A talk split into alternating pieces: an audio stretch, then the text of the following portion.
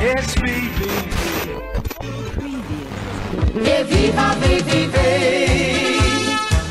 Ik wist de club op en nog niet.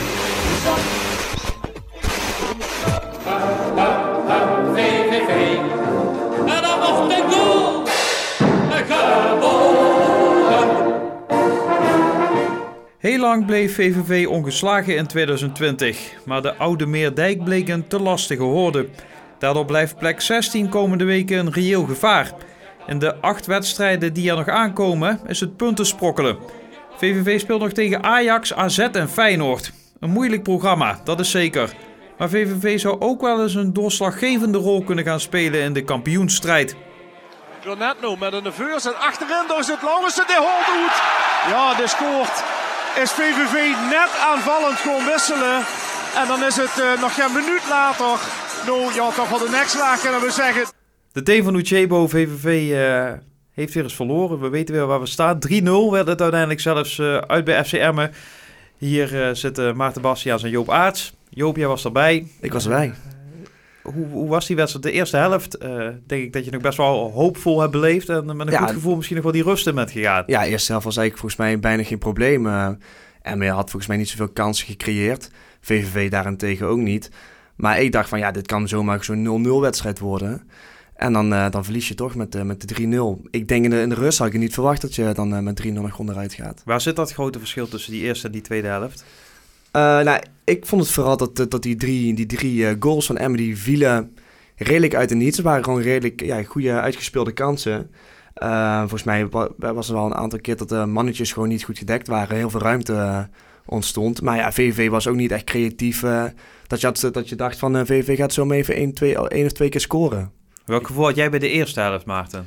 Ehm, ik schrok een beetje van Emmen. Het Emmen wat eh, thuis onverslaanbaar was, Mhm. vond ik eh, eigenlijk machteloos, die eerste drie kwartier.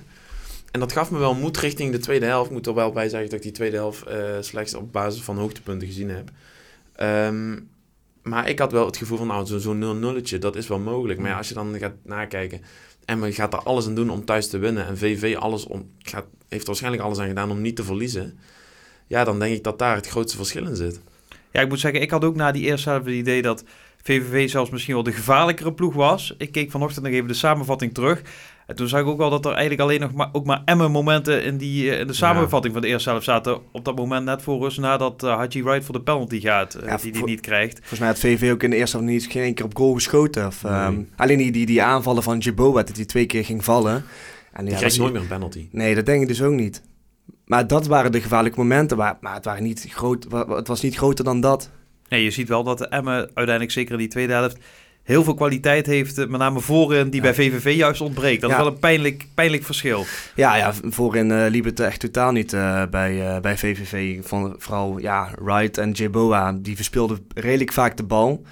En daar kwam bijna geen dreiging vanaf. En ja, Dafeloes zat ook niet echt in de wedstrijd waarvan je dan denkt van... ja, die kan nog iets creëren, maar... Het, ja, het gaat bij Darflo ook een beetje om, om wat hij van aan was van de zijkant krijgt. En als je dan Jeboa en Wright daar hebt staan. Ja, eh, volgens mij Wright goed voor per ongeluk één assist en Jeboa een goal gemaakt tegen Groningen in zijn debuut.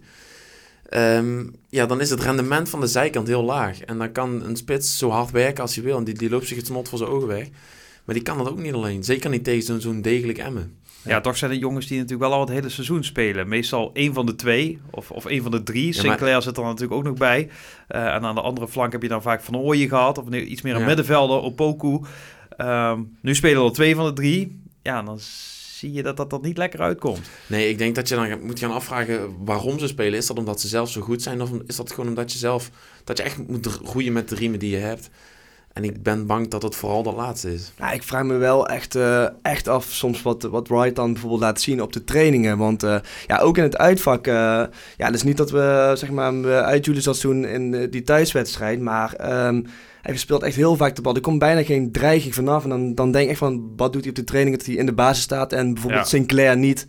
Ik Of, denk- of eh, dat je dan Opoko, ik vind Opoko eh, beter op eh, bijvoorbeeld rechtsbuiten. En dat je dan bijvoorbeeld Nooidekker eh op het middenveld zet. Ja, dat, ja, Ja. Wright krijgt Want voor het middenveld heb je natuurlijk nogal wat opties als je Ja. dat middenveld zou willen versterken. ja, Ja, precies. ik zag hem inderdaad. Hij speelde ook een bal dat hij zelfs even opkeek of er iemand was. En daarna speelde hij hem alsnog zo blind over de zijlijn. Ja. Het, het ziet er allemaal heel lullig Ja. uit bij Ja. die Wright. En dat kan natuurlijk ook op een gegeven moment zijn dat er iets geknakt is en dat je totaal geen vertrouwen hebt. Maar het- ja, Maar hij krijgt wel vertrouwen van de trainer. Hij staat wel weer in de basis. Maar is het niet gewoon omdat hij zo hard mee verdedigt, dat hij ontzettend hard werkt? Dat had je met Torino Hunt. Torino die had nog iets van rendement, die scoorde nog wel eens. Maar ik kan me niks voorstellen dat in dat voetbal... is iets wat trainers heel fijn vinden. Ja, natuurlijk. precies. Ja. En vooral, ja, Jai Driessen zal er fan van zijn, want daar was Stijn zelf ook altijd. Maar een voetballende reden, een aanvallende reden kan ik niet bedenken waarom je Haji Wright iedere keer opstelt. En dat is best wel erg voor iemand die uit de jeugd van Schalke komt. Een best een gerenommeerde Bundesliga-ploeg. Ehm, ja, ja, ik, ik kan daar echt geen antwoord op vinden. En als je nu ook op Twitter gaat nalezen na zaterdag... eh, hoe de gemiddelde Venlonaar erover denkt... dan is die mening ook best wel eenduidig... dat Haji Wright voorlopig niet hoeft te beginnen in ieder geval. Ja, het is redelijk meedogenloos eh, na afgelopen Ja, zaterdag. zeker. Is dat terecht als je voor het eerst in acht wedstrijden weer verliest? Nee, natuurlijk niet. Kijk, Peter Leijsten, die, die was heel duidelijk op Facebook. Die, eh, die zei, of op Twitter was die, die zegt... We mogen niet vergeten dat we zeven wedstrijden boven onze stand geleefd hebben. En volgens mij was, de, was iedere Venlo bijna weer vergeten hoe het is om te verliezen. Want dat wordt voor laatst 22 december gedaan. Ehm, dus we mogen niet klagen. Kijk, 3-0 verliezen bij Emmen, directe concurrent, is natuurlijk nooit fijn. Maar ehm, om nu meteen iedere speler gaan neer, te gaan sabelen, vind ik een beetje ver gaan. Alleen is Haji Wright al gewoon vanaf het begin van het seizoen... kan die geen enkele Venlo voor zich winnen. Maar ik denk ook dat, eh, dat de meeste Vennonaren ook wel dachten van we gaan niet winnen in Emmen. Als je ziet, Emmen is volgens mij sinds augustus eh, ongeslagen thuis. Die, hoeveel punten hebben die al niet gepakt? 26 of zo, nu 29 thuis. Ja. Dan, eh, vooral, dan denk ik ook aan, mezelf zaterdag. Wij gingen er gewoon naartoe om de club te supporten. Gewoon gezellig met, met vrienden Ja. daar naartoe. Om, ja. En we wisten, ja, we zijn blij met een, met een puntje die we meenemen. Maar ja, de kans is redelijk groot dat je daar dat je met lege handen terug naar Venlo gaat. Ja, of je ook komend weekend eh, je club nog kan supporten, gaan we het zo over hebben. Eh eerste Hall of Fame van deze week. En eh, deze keer komt die van Bart Engels.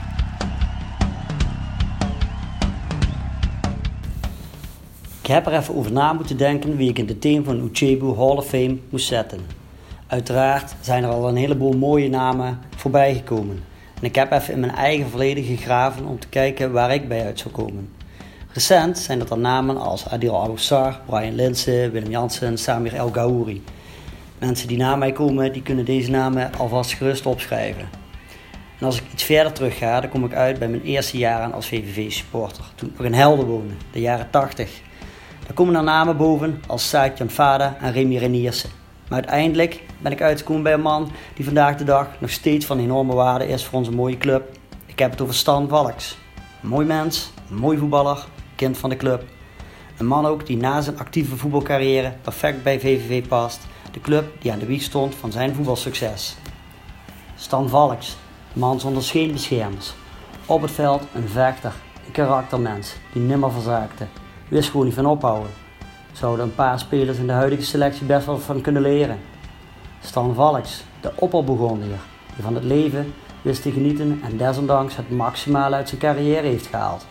WK 94, ik zal het nooit vergeten. Tranen met tuiten als we worden uitgeschakeld door Brazilië, de latere wereldkampioen. Stan, die was erbij. En natuurlijk die historische sneeuwwedstrijd tegen Ajax in 87, waar Valks de 1-0 binnenpoeierde. Al met al genoeg redenen om Stan Valks te nomineren voor de team van de Chebu Hall of Fame. Ja, Stan Valks als voetballer denk ik eh, voor jullie tijd. Ja. Met name natuurlijk in de jaren 80 eh, bij VVV en daarna nog eh, in Portugal, bij PSV, ook in het Nederlands elftal. Nu is hij er als technisch manager. Wel heel belangrijk voor de club nu natuurlijk. Ja, alleen daarom al. Maar kijk, ik kan niet zeggen hoe hij als voetballer was. Als ik de verhalen moet geloven, best een goeie. Ehm, maar nu, alleen nu al verdient hij een plek in de Hall of Fame. En ik denk dat, dat die man ooit ook echt nog een standbeeld moet krijgen buiten de koel. Want wat die voor VV doet, hoe belangrijk die is, is echt bizar. Ik denk ook wel dat hij nog een keer hoger op gaat. eh, dat hij naar een Ja. grotere club eh, gaat als, als VVV.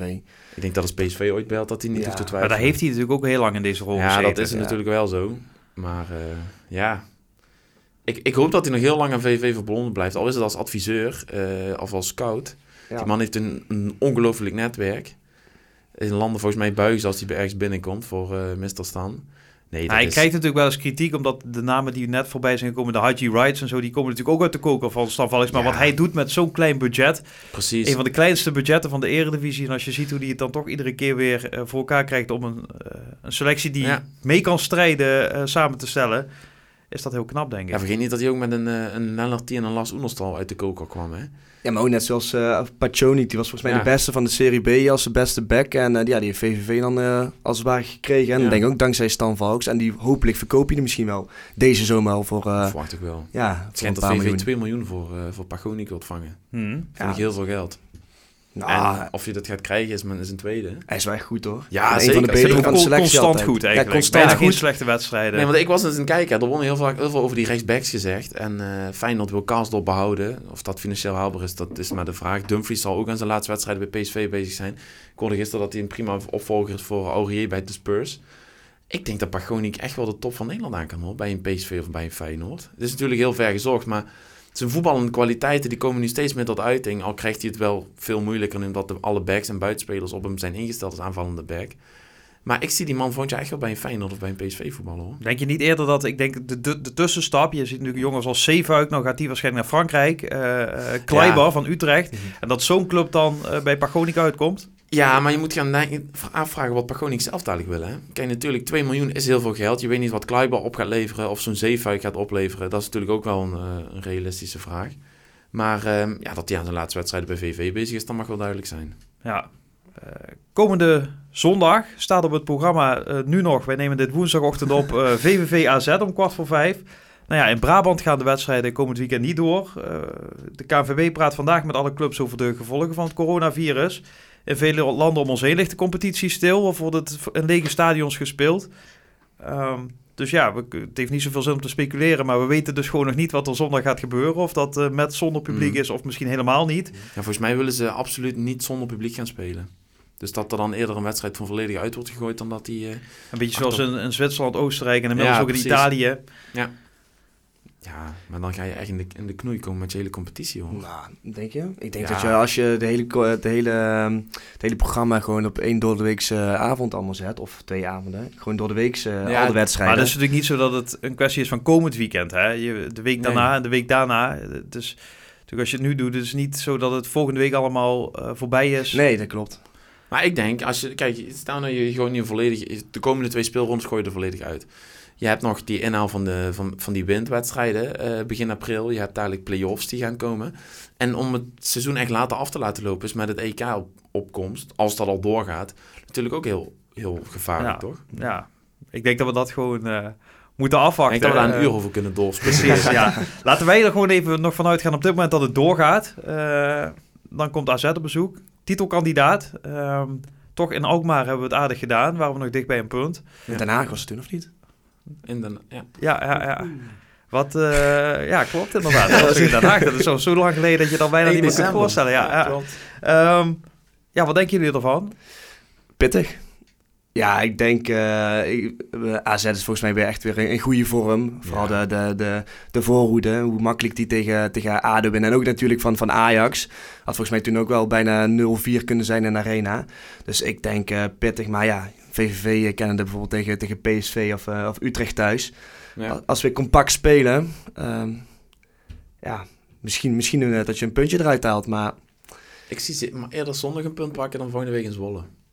Als ik heel eerlijk ben. VV, ik, ik verwacht, als alles, makkelijk, als alles goed gaat, kun je het beste met een, een 4-5-1 formatie gaan spelen. Met dat je Opoku en Van Ooyen echt op die flanken hebt. Die zijn zo verdedigend, dat is wel wat. En ik denk dat je dan AZ echt wel pijn kunt doen. Als je die Svensson en Wijndal vroeg oppakt. eh, dat die aanvallend mm, ja, niet bij machten kunnen komen. Denk ik dat je AZ heel veel pijn kunt gaan doen. Want dat zag je in Den Haag, inderdaad. Daar wa- was VV ook zeker niet kans. Ze hadden een puntje er volgens mij als Ja. Malapa een paar teenlengtes meer had gehad, had je daar gewoon een punt gestolen. Ja, klopt. Ja, daar heb je wel gelijk in. Maar eh, het is wel AZ. En ze staan Ja. eh, niet voor niets eh, tweede in de competitie.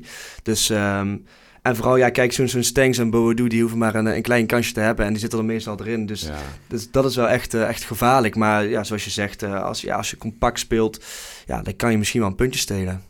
Ja, dus een, een hele goede ploeg. Daar twijfelt niemand aan. Dus natuurlijk wel een ploeg die juist met, met types als Stanks, Boadu, Idrissi eh, heel erg gedijt bij ruimte. Wat ze bijvoorbeeld tegen Ajax kregen, denk ik. Als VVV zo compact en eh, gegroepeerd kan spelen als de laatste periode, kun je het ze ieder geval moeilijk maken. Ja, zeker. En, en hoe langer het 0-0 blijft staan, Ja. dat gaat ook vreten aan zo'n ploeg als AZ. Want die willen absoluut winnen. Die staan gelijk met Ajax.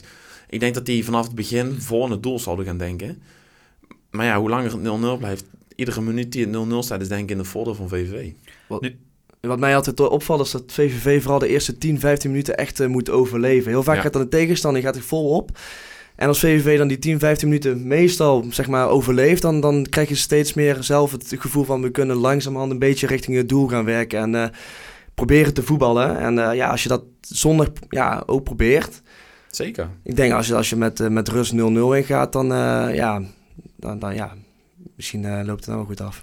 Nu speelt VVV nog acht wedstrijden. Daarin zit naast AZ ook de wedstrijd tegen Feyenoord nog bij. De wedstrijd tegen Ajax nog bij.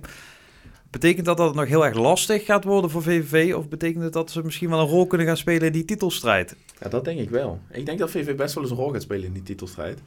Ehm, ik heb even opgeschreven waar VV nog allemaal tegen gaat komen. Kijk, je krijgt eigenlijk AZ, PEC, Willem II, Feyenoord, Twente en ADO thuis. ADO is de ene laatste thuiswedstrijd. Derde, volgens mij is dat speelronde 32. Ehm, VV kan dan veilig zijn. Als je thuis van ADO wint. Maar ja, titelstrijd, ja, speelt, daar ga je absoluut een rol in spelen. Feit is wel dat je uit naar Feyenoord moet, uit naar Ajax. De vraag is hoe, hoe Feyenoord het gaat overleven. Eh, die, moeten, die hebben de klassieker volgende week. Kijk, als, eh, als die van Ajax winnen, dan is Fe- Feyenoord ook gewoon weer een titelkandidaat. Dus titelstrijd, ja, daar gaan de, ik denk dat Slot, Advocaat en Ten Haag VV ook wel echt wel omstreept hebben. Ja, maar het betekent dus ook dat je drie hele zware wedstrijden sowieso hebt. Daarnaast moet je ook nog een paar keer uit naar directe concurrenten. Ja, Twente en PEC uit, dat Ja. zijn niet de makkelijkste voor, voor eh, VVV. Ehm, thuis van Twente gewonnen.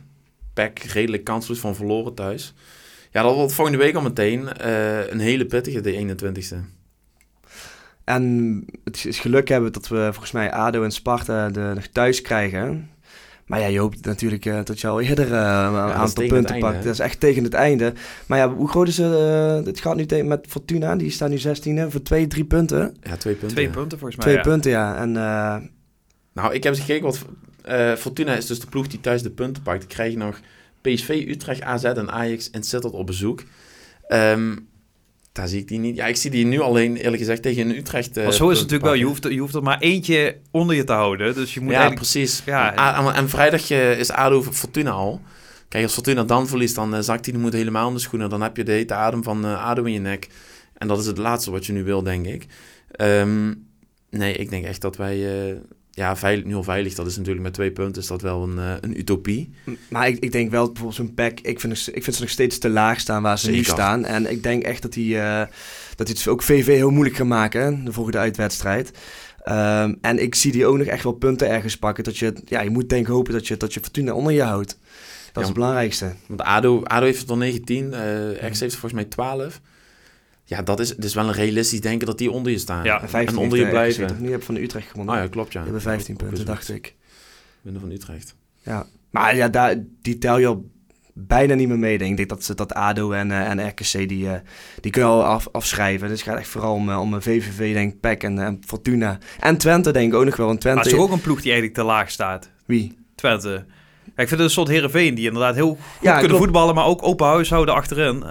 Ja, maar ik denk, ik, eh, zo goed is Twente denk ik eh, ook niet eh, in, in zijn doen. Dus eh, ja, het is nu wel een directe concurrent gezien de punt en zo. Dus eh, daar moet je ook op dat je daar Ja. een, een puntje probeert te stelen. Of je misschien zelfs drie punten. Ja, kijk, je hebt nu nog twee ploegen tussen jou en Fortuna staan. Het probleem is wel dat je die allebei uittreft, Twente en PEC. En het gaat naar Fortuna is maar twee punten. En Twente heeft nog best een makkelijk, die krijgt al die ploegen daaromheen nog. Dus die Ja. hebben, be- hebben het makkelijkste programma van. Ja, maar makkelijk, ja, makkelijk moeilijk, dat geloof ik al. Vind ik altijd een beetje lastig. Want Maar ik je speel moet toch eh, liever tegen RKC dan tegen Feyenoord. het, zet wat in. Nou, RKC is al wel met 2-0 voor tegen Herakles. En dan vond ik knap dat ze nog 4-2 maakten. Maar eh, zo slecht is RKC nog steeds niet. Ze, zijn, eh, ze proberen altijd nog te voetballen. Maar ik begrijp je. RKC zaterdag tegen Heerenveen. Heerenveen, dat is ook... oh nee, dat is volgende week pas. Want RKC speelt komend weekend niet. Die krijgen Groningen thuis. Maar ja, Brabant wordt alles afgelast. Ehm, ik denk ook niet dat dat in je voordeel is. Hoor, als je wedstrijd nu wordt afgelast. Want dan kun je heel erg onder druk komen te staan. Zo'n RKC, als, st- stel dat eh ADO en Fortuna... Ja, ze zullen niet allebei punten pakken. Maar ze kun, stel dat ADO een punt pakt. En dat VVV wint van AZ. PEC moet tegen PSV... PEC moet tegen Raakles gaat ook gewoon door. Ja, ik denk dat je in deze fase van de strijd als ploeg echt wel wilt voetballen. En als er dan één wedstrijd wordt afgelast zoals RKC en alles gaat verder door, nou dat is niet in je voordeel denk ik. Nee. Ja, laten we hopen dat, eh, dat het doorgaat. Voor voor volle cool. precies, eh, zondag VVV AZ om kwart voor vijf. Live ook op uh, Omroep Radio. Bedankt mannen. Bedankt Bart Engels voor de Hall of Fame nominatie. En jij bedankt voor het luisteren en tot de volgende Team van Uchebo.